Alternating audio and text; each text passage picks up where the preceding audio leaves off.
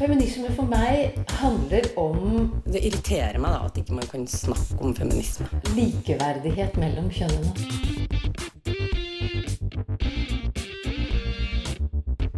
Det blikket på kvinnen på film. handlet det om å bli tatt på alvor som jente.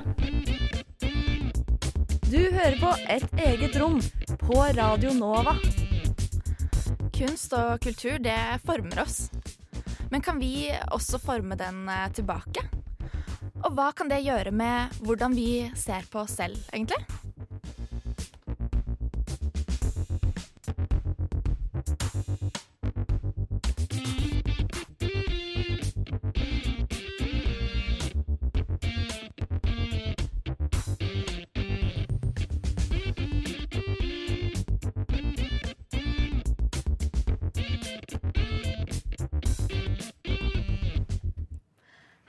Og velkommen til et eget rom.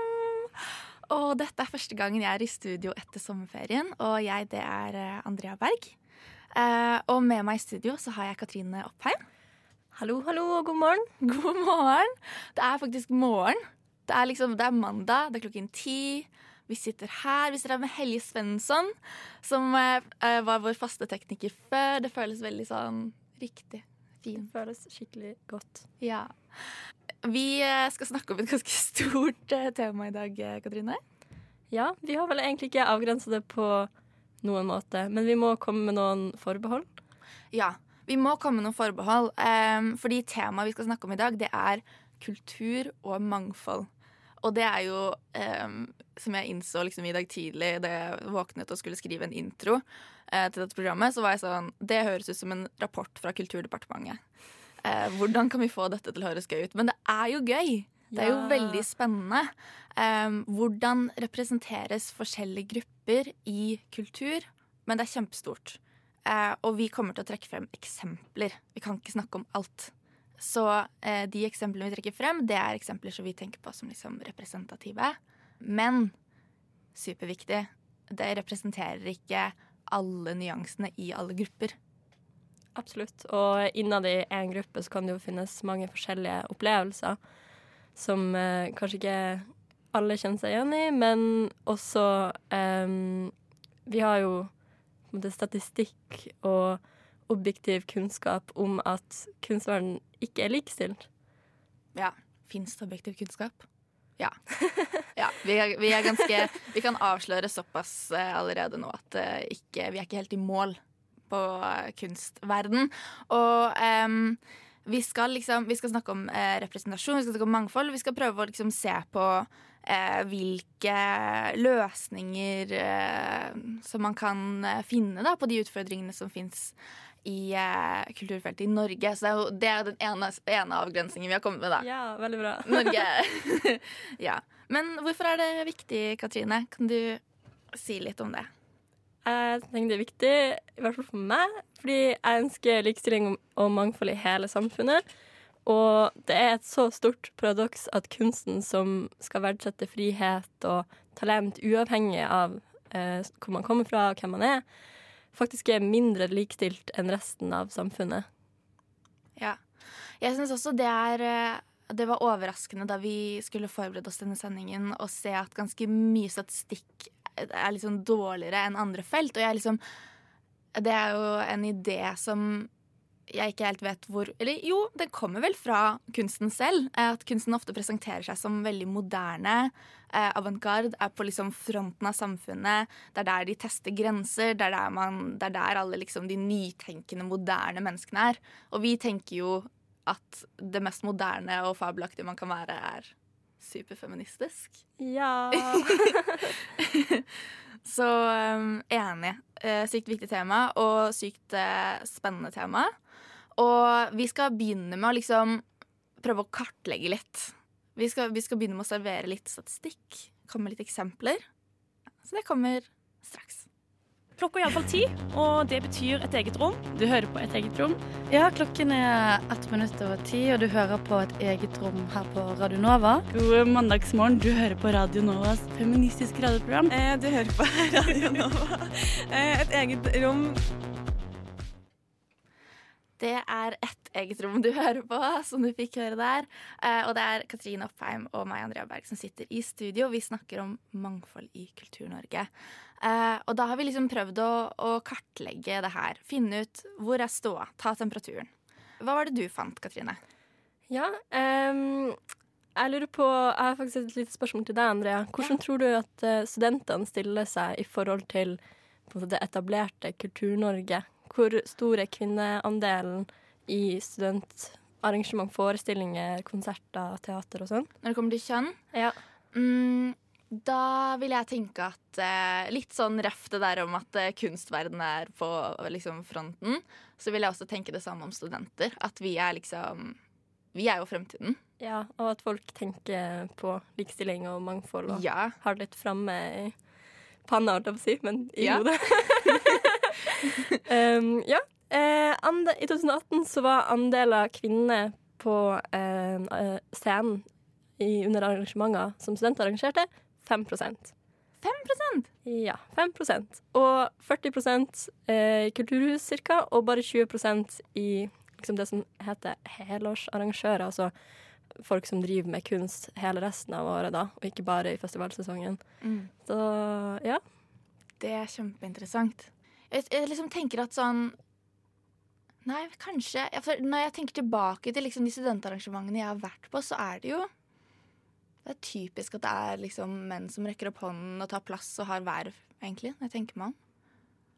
Åh, nei, det syns jeg var skikkelig mind-blowing. ja. Jeg, jeg har liksom tenkt OK, det kommer til å dø ut med den eldre generasjonen, disse problemene her. Ja, det er jo lett å tenke på det, tro det. Men eh, ting skjer ikke hvis ikke vi tar tak, og eh, ting skjer ikke av seg sjøl. Hvordan er ståa blant de voksne, da? Eh, nei, som jeg sa, så er det jo eh, 20 cirka eh, på liksom festivaler og eh, teater og operaen og sånn. Eh, 20 kvinner på scenen. Og det reflekteres jo også av liksom hvem det er som styrer, da, og hvem som sitter eh, og lager stykkene og bestemmer stykkene. For eksempel så eh, i, eh, på, i ballettverden, da, eh, som er jo ekstremt kvinnedominert, det er jo på en måte i forestilling så er det jo gjerne én mann og 250 damer, liksom, som danser. Og i løpet av de ti siste årene så har det ikke blitt satt opp ett eneste, en eneste ballettforestilling som var skrevet av en kvinne i Norge. Oi. Wow. Det er ganske spesielt. Jeg tenker jo på også at uh, For det, det produseres jo veldig mye kunst som vi ikke mm, er eh, kjent med. Man kan ikke bli kjent med alt som produseres av kunst. Og, jeg ble ganske overrasket nå dette semesteret her av å se at eh, på pensumlisten min på litteratur så var det tre kvinnelige forfattere av omtrent Nå har jeg ikke telt alle de bøkene, men det er eh, omtrent fire av fire sider med bøker som vi skal lese på det studiet. Jeg har ikke orket å telle det, som er kanskje litt dårlig av meg. Men eh, altså sånn, vi har så eh, få kvinnelige forfattere da, på den listen. Uh, og jeg er sånn Vi skal snakke mer om det senere i sendingen. Men jeg syns det er så interessant med liksom også hvem som man trekker frem, og hvem som man gir plass til. Da. For det er jo ikke egentlig nødvendigvis sånn at eh, menn eh, har skrevet mer eller produsert mer kunst. Ja. Det fins jo masse kvinnelige balletter som man kunne valgt mellom også. Absolutt. Og det er noe mer liksom Ja, hva slags historie tenker man på som viktig, da, og som favner bredt, og som får det rommene, da. Og jeg fant en sånn gjennomgang av nesten 200 182 norske filmer eh, som ble laga mellom 2013 og 2018, da. Eh, altså alle som var på kino, som vi så og husker godt, da. Og da var det eh, eh, Da var det én hovedrolle eh, med seksualitet som ikke var heterofil. Én birolle og ingen hovedroller med en kjønnsidentitet som brøt normen. Og ingen filmer med hoved- eller biroller som var eh, urfolk, som representerte urfolk eller nasjonale minoriteter. Ja. Ja. Jeg tror vi har brukt den statistikk, eller snakket om den statistikken før i et eget rom eh, med film og eh, legning. Nei, eh, seksualitet. Eh, og hvordan eh, den ene filmen de siste årene har vært en Husker du den Thelma? Nei. som var sånn skrekkfilm. Det var liksom den ene med en, en skeiv jente i en hovedrolle, da. På norske filmlerret. Ja. Og det er ganske sånn eh, spesielt å tenke på, fordi den filmen var jo ikke Den fikk jo ikke sånn supermye oppmerksomhet, hvis jeg husker riktig. Og så er det sånn Det var det. ja. Det var hun. Og så er det noe med at liksom med hver gang man, det faktisk kommer en skeiv karakter, da, så ha, handler det ofte om skjevheter, da. Ja, og det er jo, dette er jo en film Dette er jo egentlig et godt eksempel på det. Fordi det er jo en film som handler om at hun tar et oppgjør med sin kristne bakgrunn, og jeg syns det er vanskelig å komme ut og, og sånn. Ja, og det er jo interessant, fordi mangfold er jo mange forskjellige ting, ikke sant. Eh, Og jeg syns det er så bra at du kommer med disse eksemplene, fordi eh, vi kan ikke bare snakke om kjønn, vi må også snakke om de andre tingene som spiller inn sammen med kjønn. Og eh, klasse Klasse. vi hadde jo en lang Spennende. diskusjon før vi lagde denne sendingen om hvordan vi skulle snakke om klasse. Fordi klasse og kultur er jo liksom to begreper som jeg føler sånn med en gang de kommer inn i samme setning, så blir man litt stressa fordi det er så sinnssykt mye sånn Ja. Det er så mye greier, liksom. Det og er liksom så mye greier. Og hele greia med at liksom Ja, hva er det vi ser på som kunst, da? At vi eh, Det er jo sånn borgerlig kunstideal som får legge premissene. At vi tenker på opera og poesi og billedkunst som det, men vi foretrekker liksom det framfor håndarbeid eller eventyrfortelling eller arbeidssanger, ikke sant? Mm. Eller liksom hvilke nivåer av kunst som det er liksom sett på som uh, bra å innta, ikke sant. Eh, inntar du Netflix, eller drar du på Nationaltheatret? Og det liksom leder oss jo kanskje inn på liksom noen begreper rundt klasse eh, som ofte blir brukt. Dette er Bourdieu sine begreper. Det er økonomisk kapital og kulturell kapital. Eh, og det er klart at for å kunne delta i eh, kunst, så må du eh, ha en viss økonomisk kapital. Penger, liksom. Eh, og det kan legges til rette av en velferdsstat. Du trenger ikke nødvendigvis sitte på masse penger selv, men eh, du trenger jo mye frihet for å kunne utfolde deg og lage original kunst. da. Og delta i kulturlivet som det ofte er liksom risikofullt da, å, å delta i. ikke sant? Um, men du trenger også kanskje å kunne språket litt. Og det er jo det begrepet kulturell kapital. Ja. Hva mener du med språket, egentlig, Andrea? Jeg tenker at um, Jeg ser for meg at man kommer inn i et rom, og da tenker jeg kanskje sånn eksempel Nationaltheatret. Du er liksom der. Forstår du referansene? Forstår du, Har du lest de bøkene som de som står på scenen, refererer til? Og, liksom, og kan du eh, Vet du hvordan du skal eh, manøvrere deg sosialt i den settingen? Hva om du prøver å, En ting er om du går og ser forestillingen, men også hva om du er skuespiller og skal inn der? Du kan jo lære deg linjene, du, sånn som alle andre, men kommer du, kommer du til å, å få eh, videre muligheter hvis ikke du har de samme referanserammene som de som gir mulighetene? Og det er jo kulturell kapital. Eh, hva har du med deg hjemmefra? da? Hvilke bøker har du lest? Har du hatt politiske samtaler, kulturelle samtaler rundt middagsbordet hjemme som, som gir deg en sånn kapital da, som du kan eh, utveksle i bytte mot muligheter? Um, og der eh, Det henger jo veldig tett sammen med eh, minoritetsbakgrunn. Vi har jo et veldig skarpt klasse- og eh, etnisitetsskille i Oslo, eksempel. Og um, det fins ordninger som skal korrigere for det, men vi ser jo i praksis at veldig, veldig få får lederposisjoner og får eh, reelle muligheter til å forme eget, eh, sin egen kunstkarriere. Da. Men eh, det er ikke bare mørkt og trist. Vi skal, vi skal em, Det fins løsninger. Det fins folk som jobber med det her. Blant annet Siri Haugan Holden, som Linda har snakket med. Linda Therese Rosenberg har snakket med henne. eh, og hun jobber i balansekunst. De mener at første steg mot å løse utfordringer med mangfold er å kartlegge det. Hvis alle skal sitte hver for seg og gjøre et eget arbeid, så går det mye saktere enn om vi pusher hverandre og lærer av det vi gjør på våre ulike felt. Jeg heter Siri Haugan Holden og er daglig leder i Balansekunst. Balansekunst er i dag en sammenslutning av over 90 forskjellige kunst- og kulturorganisasjoner som sammen jobber for å nærme oss et mer likestilt og mangfoldig kulturliv. Så vi arbeider med alt fra scenekunst og billedkunst til musikk og foto. Og tenker at selv om kunstuttrykkene er ganske ulike, så har vi likevel mye å lære av hverandre. Fordi kulturfeltet er jo rigga på et vis en og samme måte, der det er mye eh, usikkerhet, mye nettverksbaserte oppdrag, mye talentfokus osv. som gjør at eh, det skiller seg litt ut fra andre områder i samfunnet som også har disse likestillings- og mangfoldsutfordringene. Og vi starta i 2009 som et nettverk for musikkorganisasjoner.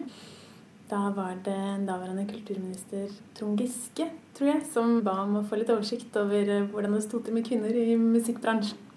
Og siden har vi vokst, blitt flere og utvida fra å ikke kun jobbe med kjønnslikestilling, som var der vi kom fra i utgangspunktet, men også romme det bredere mangfoldsbegrepet.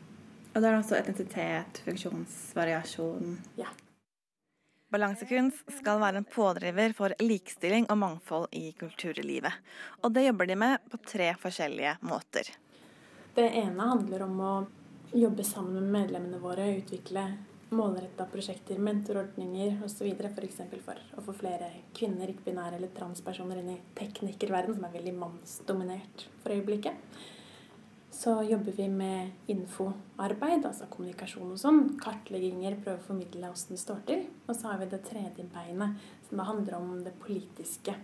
For får vi gjennom noen endringer på politisk nivå, så kan ting gå radig. I stedet for at vi må sitte og jobbe litt i det små over hele fjøla. I en kronikk i Dagsavisen 27. august etterlyser Balansekunst en større vilje til å beskrive forskjeller og skriver at vi i Norge har en slags berøringsangst og manglende språk for å jobbe med og snakke om mangfold. Jeg skjønner det jo kjempegodt. Jeg kjenner jo på det selv, så klart. Vi vil jo alle sammen at vi skal være eh, en stor, lykkelig kulturfamilie. Og om vi setter ord på det som skiller oss, så er vi plutselig ikke like like som vi har lyst til. Men situasjonen, realiteten, er jo at vi ikke er der. Og hvis vi ikke snakker om de ulikhetene som faktisk finnes, så har vi heller ikke mulighet til å se eh, forskjellsbehandlingen som enkelte grupper utsettes for i større grad enn andre. Og det er ingen tvil om at det er kjempeubehagelig. Vi vil jo helst tenke at alle er helt like og har de samme mulighetene. Men eh, jeg tror vi gjør oss selv en bjørnetjeneste ved å være for redd for å snakke om hva som skiller oss.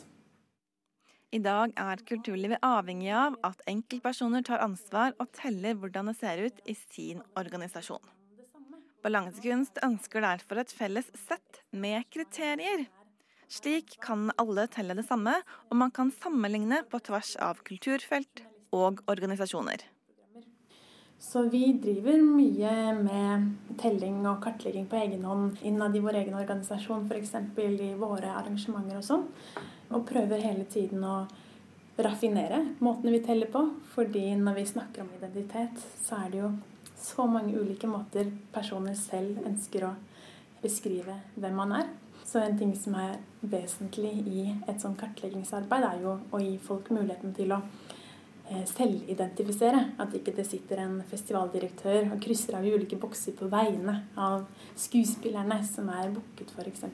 Men der er det jo noen utfordringer knytta til personvern, f.eks., som eh, vi håper å få nøsta litt opp i i tida framover. Og innlegget vårt var en slags sånn ballkasting over til Kulturdepartementet, som vi ønsker at skal se litt nøyere på hva slags muligheter som faktisk ligger i litt breiere kartlegging, da.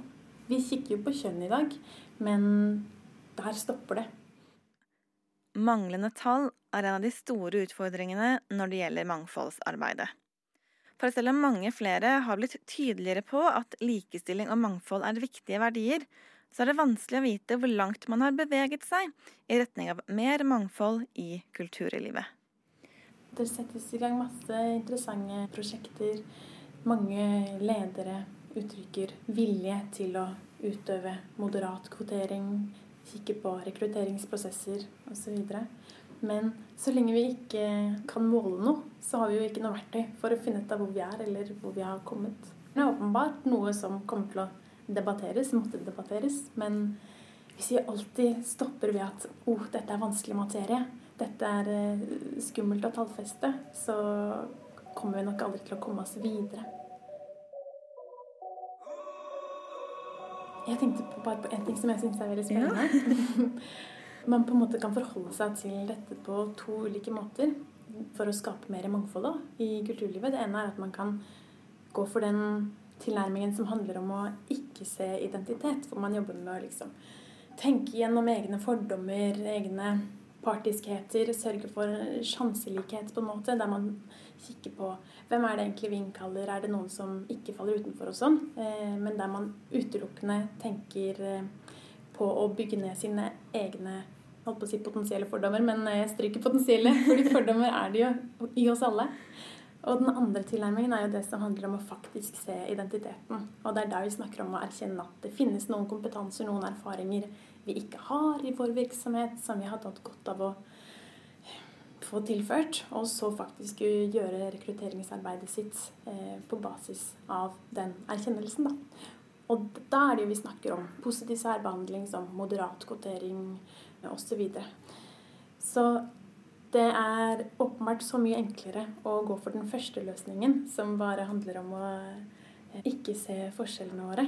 Men den andre løsningen, som er det å erkjenne ulikheten som finnes, den gjør kanskje litt mer vondt for noen, men den er også utvilsomt så mye mer effektiv når det kommer til å faktisk oppnå det målet vi har om et mer likestilt og mangfoldig kulturliv.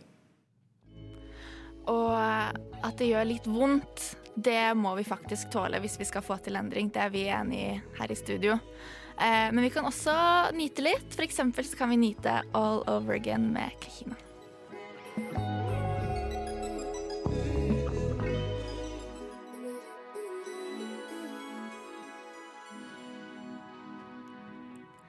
Der hørte du Kahina med All Over Again. Ikke All Over Again med Kahina, som jeg sa, da. um, jeg har sølt vann på PC-en min, så jeg har, ikke, jeg har liksom håndskrevne notater som er litt vanskelig å lese. Men uh, det jeg syns å huske, er at vi skulle snakke om kvotering nå. Og det er et tema som får veldig mange til å bli veldig sinte. Får jeg inntrykk av? Ja, du så skeptisk ut, Katrine.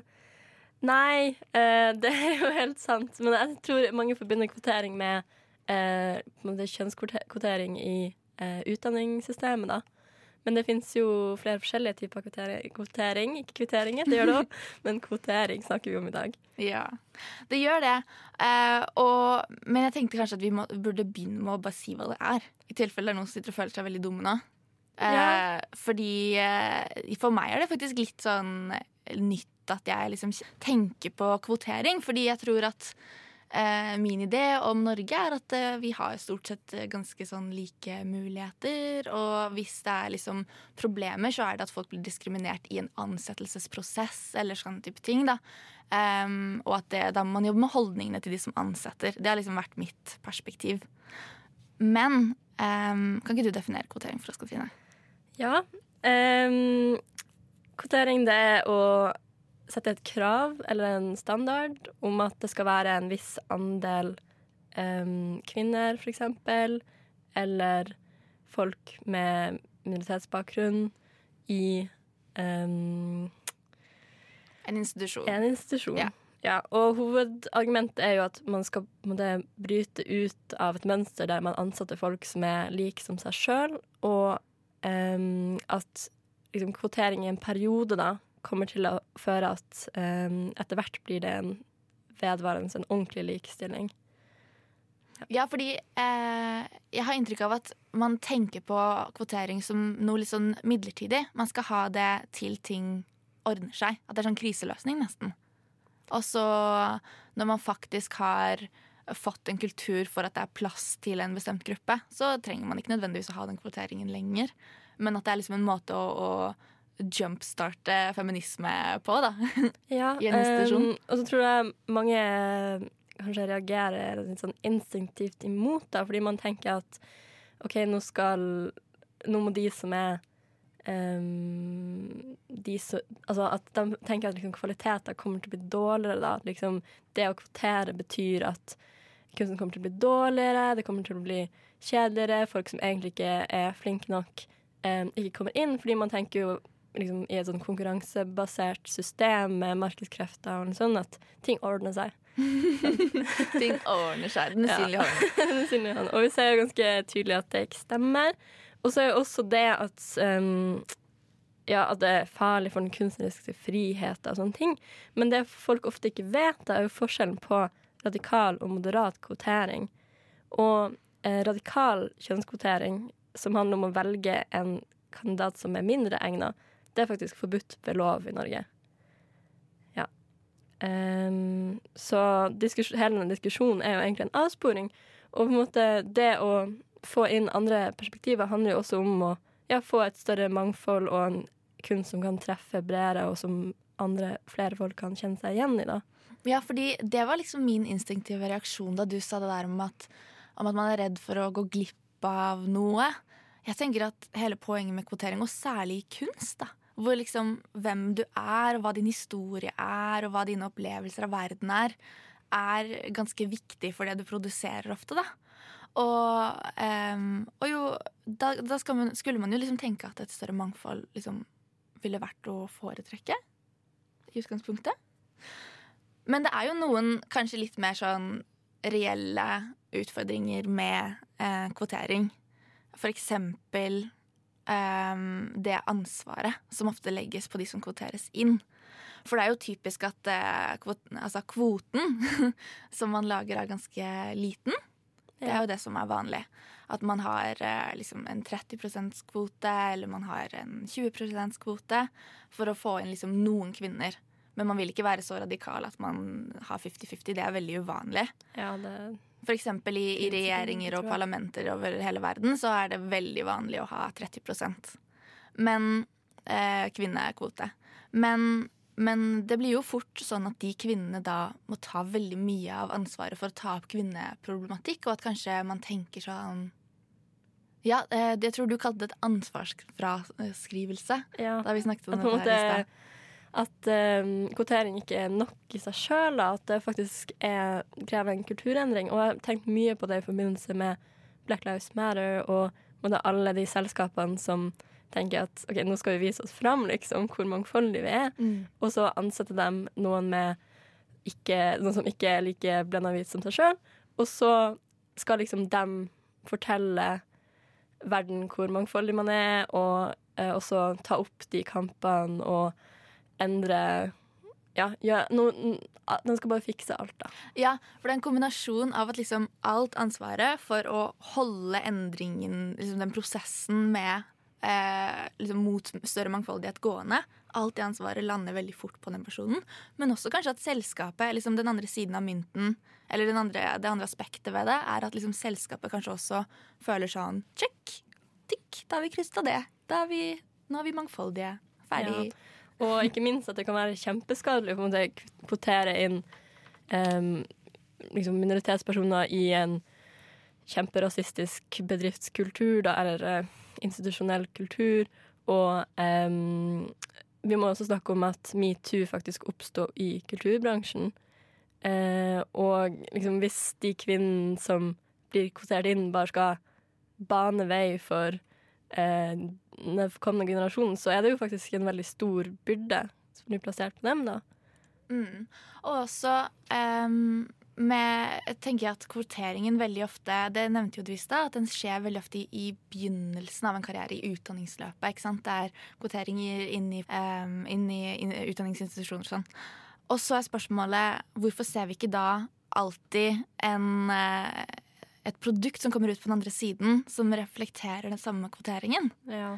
Hvorfor um, Og også, jeg syns kanskje enda mer interessant, er sånn institusjoner hvor man kvoterer inn menn, fordi det er så, mange, det er så stor overvekt av kvinner som søker. Og så likevel så er det menn som ender opp i topplederstillingene. Ja. Og da lurer jeg på, er man kanskje mer opptatt av å bare beskytte mannens eh, plass, f.eks. på Teaterhøgskolen, ehm, enn å få til en reell likestilling? Fordi eh, da må man jo åpenbart jobbe underveis og også i ansettelsesprosessen. da. Ikke Ja, bare Det krever en hel altså, holdningsendring og arbeid Ja. rundt. Ja. Nei, det skal vi snakke mer om. Sorry, nå hadde jeg, fikk jeg helt overtenning. Men vi skal høre fra Anita, for hun har sett på en debatt som har gått nå i det siste, på KIO. Eh, om nettopp kulturendring, og hvor mye kulturendring blir i praksis innskrenking av eh, kunstnerisk frihet. Studenter og ansatte ved KIO mottok i sommer et åpent brev fra en gruppe doktorgradsstipendiater.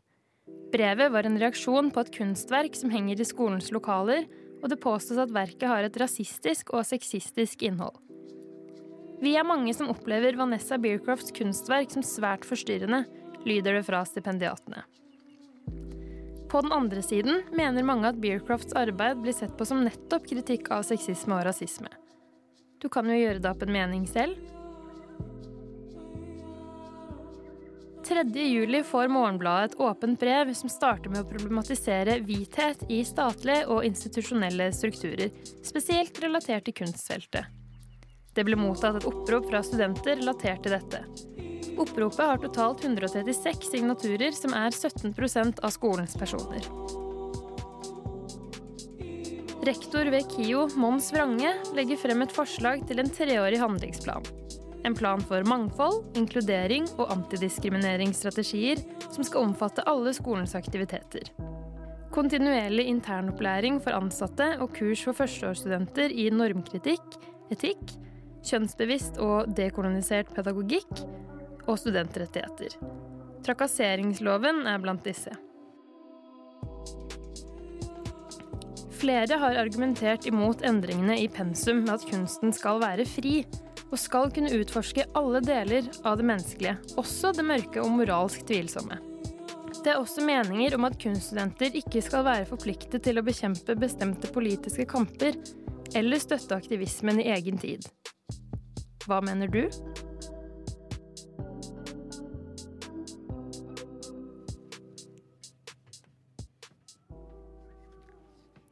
Vi fikk alle liksom behov for å nikke litt med hodet, den biten der. Men um, det er jo åpenbare problemer med kvotering, eller i hvert fall utfordringer med det. Uh, men det betyr jo ikke nødvendigvis at det er feil. En løsning som du presenterte for oss, Katrine, det er kunnskap.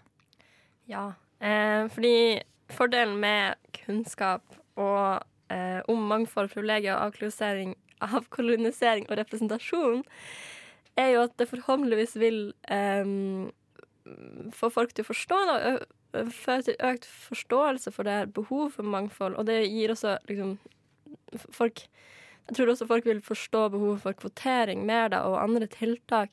Men på en måte, man hører jo det at, at man er redd for kunstnerisk frihet. Og det kan høres ut som folk er litt sånn, trua av de her verdiendringene, da. I hvert fall når man går så langt som å snakke om en kulturkrig. Jeg tenker Det er ganske kraftig ordbruk ute og går. Men sant, hvis man aldri før har vært redusert til kjønnet sitt og hudfargen sin og kropp eller legning, så kan det sikkert føles ut som man blir satt i bås. Eh, poenget med kvotering og mangfold er jo at vi i det lange løp skal kunne frigjøre oss fra de boksene. Men eh, tallene sier jo klart og tydelig at foreløpig så betyr sånne sosiale faktorer altfor mye. Mm. Og eh, du begynte innledningsvis med å snakke om eh, altså avkolonialisering. Og det er jo en struktur som um, også er litt sånn ny for meg. Eh, vi har blitt litt flinkere synes jeg, til å snakke om det i et eget rom eh, i det siste. Men, eh, men, det er jo en struktur som fordi jeg er hvit og norsk og vestlig, som ikke har preget mitt liv på en måte som jeg har merket. Før eh, man lærer om det. Ja. Og da er jo spørsmålet kanskje, kanskje, vi skal begynne med å definere det litt? Ja, um, det er jo når den europeiske ideen kunst, da, som så lenge og så ofte har overskygga og latterliggjort urfolkskunst og håndverk og kunsttradisjoner fra andre deler av verden. Og dessverre er det jo fortsatt sånn at alle de store institusjonene og personligheter innenfor kunstverden eh, er i Vesten og er stort sett hvit og stort sett ganske gammel og mannlig.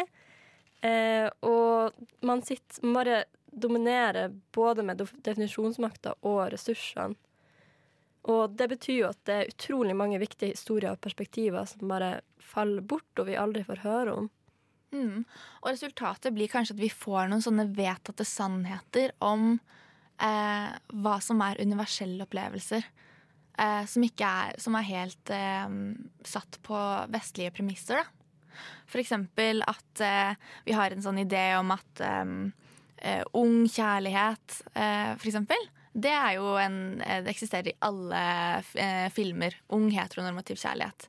Mens et gammelt eh, lesbisk par, en film om det, som jeg jo ikke har sett selv, det ville sikkert blitt reklamert for som en slags sånn nisjefilm eller en sånn alternativ film. Og enda verre hvis det er liksom em, Hva heter det? En interseksjon. Altså flere identiteter. Hvis det var Ja. et asiatisk eh, eller sånn, et lesbisk gammelt par i Kina, liksom, så hadde det i Mm. hvert fall vært sånn noe de sendte på Cinemateket en gang. Liksom. Ja. Cinemateket ville tatt den. Men uh, jeg syns også det er skikkelig slående så at um, vi har ett tilfelle av uh, lovfesta kvotering innenfor kulturfeltet i Norge. Og em, det jo, henger jo sammen med det her um, avkoloniseringsbegrepet litt, da, men i hvert fall når man prøver å være bevisst på um, minoritetsbakgrunn, da. Det er jo et veldig stort begrep. Men um, jeg fant noen statistikk at, um, at altså, I 2008 så vedtok Stortinget at man skal få inn flere med minoritetsbakgrunn i styrer til teatre og museer. Og situasjonen i dag er at bare at to av 98 styremedlemmer i statsfinansierte eh, kulturinstitusjoner har ikke-vestlig bakgrunn. Det- Du må si det en gang til. Ja, eh, to av 98. To av 98. Ja, altså mellom 2 og 3 prosent da, av alle er, har ikke-vestlig bakgrunn. Og det er jo det alle, alle vi som får inn kultur, ja, får eh, på en måte får det inn satt på premissene til de her menneskene. Og da er det ikke Ja, da er det ikke så rart at vi ikke tenker på det i det hele tatt. Og jeg tror eh, en, en, akkurat som eh, kolonialistiske strukturer, eh, hvis du er en del av den tradisjonelle kolonimakten, er vanskelig å se eh, ja, fra, det, fra den vinkelen, så er det kanskje også vanskelig å se viktigheten av representasjon hvis du ikke selv er representert. Og jeg har, jeg har um, Jeg håper at alle har sett den fabelaktige dokumentaren på Netflix som heter Disclosure. Den handler om transpersoners representasjon i eh, film. Og da er det ikke bare snakk om mangel på representasjon, det er også snakk om hva slags type representasjon. Hva slags historie fortelles om disse menneskene. Eh, og da Laverne Cox, som er jo eh, Dere kjenner henne kanskje fra Orange is the New Black, som frisøren i det fengselet. Eh, og hun eh, åpner liksom traileren til Disclosure med å si Jeg kan ikke fortelle dere hvor mange ganger folk sin reaksjon på at jeg kommer inn i et rom, har vært å bare eh, bryte ut i latter. Og det er det filmindustrien som har lært dem. Og jeg bare Ikke sant? Og det er en sånn fortelling som, som har vært veldig akseptert og veldig vanlig. At transpersoner, transkropper og transopplevelsen er eh, noe latterlig. Og, og, liksom, og her ser man på en helt sånn konkret måte i hvordan Laverne blir møtt når hun kommer, kommer inn i et rom. Eh, hvordan det påvirker hennes liv. Da. Og det sier noe om hvor viktig det er at vi konfronterer de strukturene. Og når folk snakker om at det er en kulturkrig, så em, tenker jeg at det, et premiss for å tenke på den måten er at, du, at man er likestilt. En krig har liksom to likestilte parter. Men det er jo, vi har jo allerede altså, hvite cis-personer og menn og liksom alle disse gruppene som er i maktposisjoner overfor marginaliserte grupper, har jo vunnet for lenge siden. Man har all representasjon, man har all makten. Så når noen kommer inn og vil fortelle en alternativ historie, så er ikke det så har Det er ingen som har makten til å kunne undertrykke den hvite cis-mann, hvite streite cis-manns historie. Altså det er han er, eh, Hans makt og i medielandskapet er så stor, da. Ja. Og du påpeker noe veldig viktig, altså det med god representasjon når man først blir representert. Altså det er ikke nok at man bare fins i et bilde som er definert av de som har makten, at man får sette premissene sjøl. Um, men jeg lurer, Andrea, hva tenker du om eh, Altså, hvorfor er det viktig å føle seg sett og representert? Åh, jeg tenker at det er så viktig. Um, jeg tenker på uh, da jeg liksom fargela øynene til barbiedukken min grønne. Fordi jeg hadde lagt merke til da jeg var liten at veldig mange sånn onde karakterer i uh, bøker har grønne øyne. Sånn som meg, da. og, det, altså, sånn, og det er jo bare den minste utfordringen noen noensinne har måttet takle. Eh, og likevel så gjorde det så sterkt inntrykk på meg at jeg liksom måtte skape min egen representasjon. Da, eller, ja. Det har mye å si for hvordan du ser deg selv, og hvordan du ser mulighetene dine. da. Og jeg tror um, Jeg syns jeg elsker en tale som Reece Witherspoon holdt på Dette er faktisk, Hun holdt det på Glamour Magazines in the Woman of the Year Awards i 2015. og der sier hun sånn um, Jeg synes Det bare resonnerte så sykt med meg. Hun bare Jeg ble tilsendt så mange sånne filmskript hvor kvinnen på et eller annet tidspunkt snur seg til mannen og sier What are we gonna do?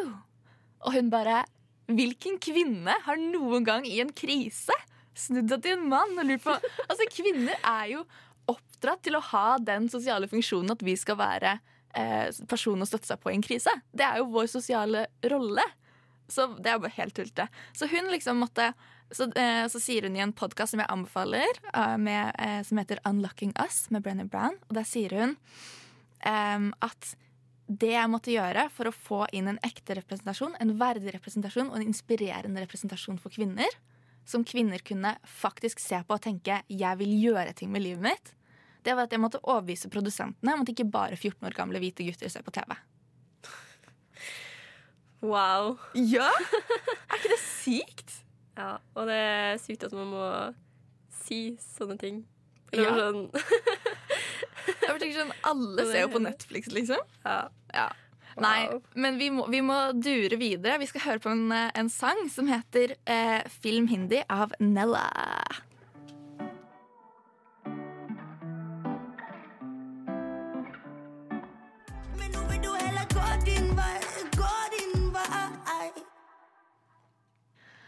Oi, oi, oi. Det var eh, Nella som eh, sang film hindi. Jeg, likte den skikkelig godt, faktisk. Den jeg hørte en del på den helgen. Um, altså, nå har vi liksom eh, prøvd å fikse eh, dette problemet med mangel på mangfold i kulturen. Um, så da er det bare å liksom eh, høre på oss, kulturfolk, eh, hvordan dere skal gjøre ting i fremtiden. Um, men la oss si at man har fått laget noe kunst. Eller bidratt til å lage noe kunst. Eh, men hva nå? Altså, få- eh, vi vet jo at kvinner får ikke samme mengde ære, penger, berømmelse, plass i rulleteksten på filmen til og med, eh, som menn. Um, og dette, dette har vi også sett at det gjelder det, altså, Dette gjelder jo alle grupper, åpenbart. Men eh, jeg vil gjerne begynne med et eksempel som handler om, om kjønn likevel. Fordi i 2004 så ble Duchamp sin fontene Jeg vet ikke om dere kjenner til Duchamp sin fontene. Den heter egentlig bare Fontene, men den er liksom kjent som Duchamp sin fontene. Eh, og den er ikke egentlig en fontene, den er bare et eh, sånn um, pissoar som er snudd på hodet og satt på en pidestall. Eh, med en sånn signatur da på. Eh, det er moderne kunst. Så ble, I 2004 så ble den kåret, eller utnevnt til det mest innflytelsesrike moderne kunstverket ever. Ja. Um, og så um, har det liksom kommet frem de siste årene at det kan hende at det ikke er Duchamp som har laget Duchamps fontene i det hele tatt. Hæ? Ja! Det er eh, baronesse Elsa von eh, Freitag L Å, herregud, altså håndskriften min. Lør Løringhoven. Ja. Nei. Jo. Nei! Ja. Det er jo, altså det kunstverket er jo på måte symbolet på den moderne tid. At, sant, at kunst ikke trengte å være et uh, oljemaleri i en gullramme, men at kunst kunne være et pissoar snudd opp ned. Nettopp. Og um, når man snur på kjønnsdynamikken i det, siden det er et pissoar, så får du jo også en helt annen stemning. Um, og det, dette her det plasseres jo i Dada-bevegelsen, da, som er en sånn super um, weird eh, kunstbevegelse. Um, og der hørte også baronesse Elsa von masse lange navn til. Um, så det er litt sånn De var i samme bevegelse, de hang i samme miljø. Det er litt sånn usikkert om hvorvidt hun, han tok ideen hennes, eller om hun rett og slett laget hele kunstverket. Men man vet i hvert fall at ideen var hennes. Og dette er jo konseptuell kunst, det er jo ideen som er verdien, ikke sant. absolutt.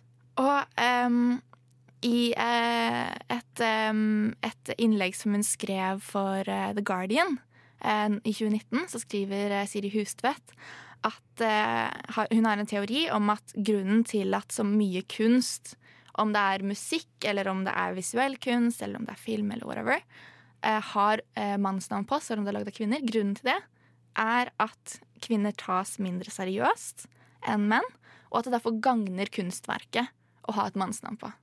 Og hun beskriver det ut fra en sånn gammel sånn gresk idé om kjønn, hvor liksom mannen representerer det rasjonelle, det liksom ærefulle, det grandiose, mens eh, kvinnen representerer det liksom myke, sentimentale, følsomme, som, har liksom, som er mindre Som man tar mindre seriøst, da.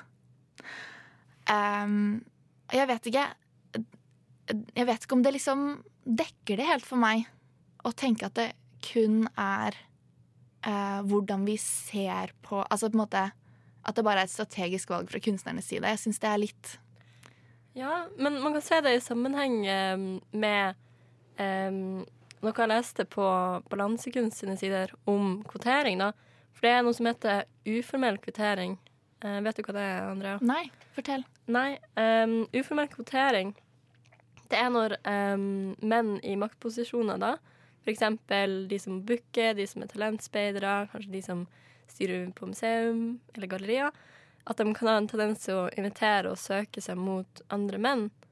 At kvotering liksom må til da, for å motvirke den ubevisste diskrimineringa som allerede foregår. Mm. At vi tenker, Det er jo tilbake til det her med at vi tenker på kunsten som fri og nøytral, men egentlig så er den akkurat like påvirka av samfunnsstrukturer som hele resten av samfunnet. Ja, og også at når man eh, Hvis vi skal trekke frem et eh, annet eksempel, da, som er jo lønn, ehm, så, uh, så satt jeg nettopp og snakket med en slektning av meg som er, i, som er skuespiller i filmbransjen.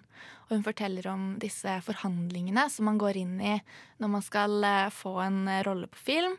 Og da er liksom kulturen at, man, at det, de forhandlingene er hemmelige, og de er mellom liksom, de som lager filmen, og skuespilleren, den individuelle skuespilleren. Og da går menn ofte hardt eh, inn i de forhandlingene og sier jeg skal ha så og så mye, eh, langt over tariff eh, hvis de har litt CV, liksom. Mens kvinnen ofte ender opp liksom rundt tariffen, da. Som er ganske, og at det i praksis blir veldig store forskjeller. Og det kanskje er liksom noe av det samme eh, også med hvordan du blir ansett når du går inn i et forhandlingsrom. da. Og at, eh, eh, for vi diskuterte litt det. Er det sånn OK, må kvinnene, må kvinnene skjerpe seg og være harde i forhandlingene? Men jeg tenker at da risikerer man jo også å bli sett på som mindre likbar, da. Ja, ja, den sure kjerringa som krever mye mer enn hun egentlig er verdt. ikke sant? Mhm. Nei, eh, jeg syns det er veldig interessant. Og det fins jo en million eksempler på kvinner som blir dyttet til side i, eh, i stor og viktig kunst. Til og med Simone de Beauvoir, som skrev et av de viktigste feministiske verkene i vår tid, har jo fått masse ting akkreditert til sin, eh, sin mann, da, Jean-Paul Sartre. Og mm, jeg vet ikke om du er kjent med Jackson Pollock, Katrine? Ja, det er jo han som kasta masse maling på et lerret, og så tjente masse penger på det. Ja. Men eh, visste du at konen hans også kastet masse maling på et lerret? Tjente hun masse penger på det? Nei! Nei! Lee Krasner het hun. Og hun har en litt annen stil, men man, man tror at de hadde veldig mye innflytelse på hverandre. da. Eh, og likevel så er det han som er kjent, da. Og så har jeg også lest en bok nå som jeg syns er veldig interessant. Eh, den heter eh, 'Seeing Ourselves Women's Self-Portraits' av Frances Borzello. Oi, Og hun, ja, og hun snakker om at eh, For hun har forsket på kvinners selvportretter. da. Og da har hun funnet at selv i selvportrettene, i selve liksom, maleriene, så maler kvinnene seg inn i hjørner. Så menn de maler seg selv på liksom, en pidestall og i en flott, stor kappe med hatt og sverd og hest og wow, en liten glorie rundt hodet. Og kvinnen maler seg som en sånn rynket og gammel liten dame i et hjørne. Ved siden av et gammelt vissent tre sitter de alene. Det er altså en helt forskjellig måte å presentere seg selv til verden på. da. Og, det, og så kan de tolke det på forskjellige måter, så klart. eh, Men det sier jo i hvert fall noe om at eh, kvinner og menn har lært at vi skal presentere oss til verden på forskjellige måter. Og i en verden som kunst- og kulturverden, hvor presentasjon og pitche deg selv og liksom være i rommet på riktig måte, det har så mye å si, da. Um, da kan man jo kan man tenke litt på, på det. Og så har jeg et siste eksempel som det var Hanna i redaksjonen vår som, som fortalte om. Eh, du husker kanskje det, Katrine, som, er, som jeg fikk helt sjokk av. Fordi de av dere som er glad i film, vet kanskje at Tarantino er liksom kjent for um, at, uh, at uh, filmene hans begynte å bli veldig dårlige etter, um, etter Inglourious Bastards. Og det er fordi at uh, kvinnen som klippet filmene hans, døde da. Og man sitter og spekulerer i hva skjedde i Tarantino sitt liv. Hva skjedde i Tarantinos liv Så er det sånn, nei, men Hun som redigerte filmene og sto for en stor del av uttrykket, fantes ikke etter det. Så hvorfor snakker vi om liksom at Tarantino som geni har dødd, når det åpenbart er et faktisk geni som faktisk har dødd? Altså, det er bare sånn Jeg synes Det var så fantastisk eksempel. Men eh, Fantastisk og typisk. Fantastisk og typisk. Altså, jeg, jeg kunne rante om dette her i hele dag, men eh, vi må faktisk eh, runde av for i dag. Eh, fordi eh, vi har nådd slutten av eh, sendingen vår. Eh, men jeg må takke deg, Katrine Oppheim, for at du satt sammen med meg i dag. Og jeg må takke Linda Therese Rosenberg, som eh, laget et innslag. Og det gjorde også uh, Anita Kristiansen. Uh, og så må jeg takke Helje, som har sittet og vært tekniker. Um, jeg, Og du heter? jeg heter Andrea Berg, og um, jeg ønsker dere en fabelaktig uke, dere som hører på, og vi snakkes neste mandag.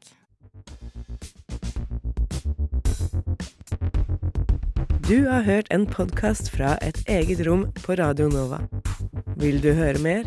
Sjekk ut Et eget rom på Facebook, Instagram eller radionova.no.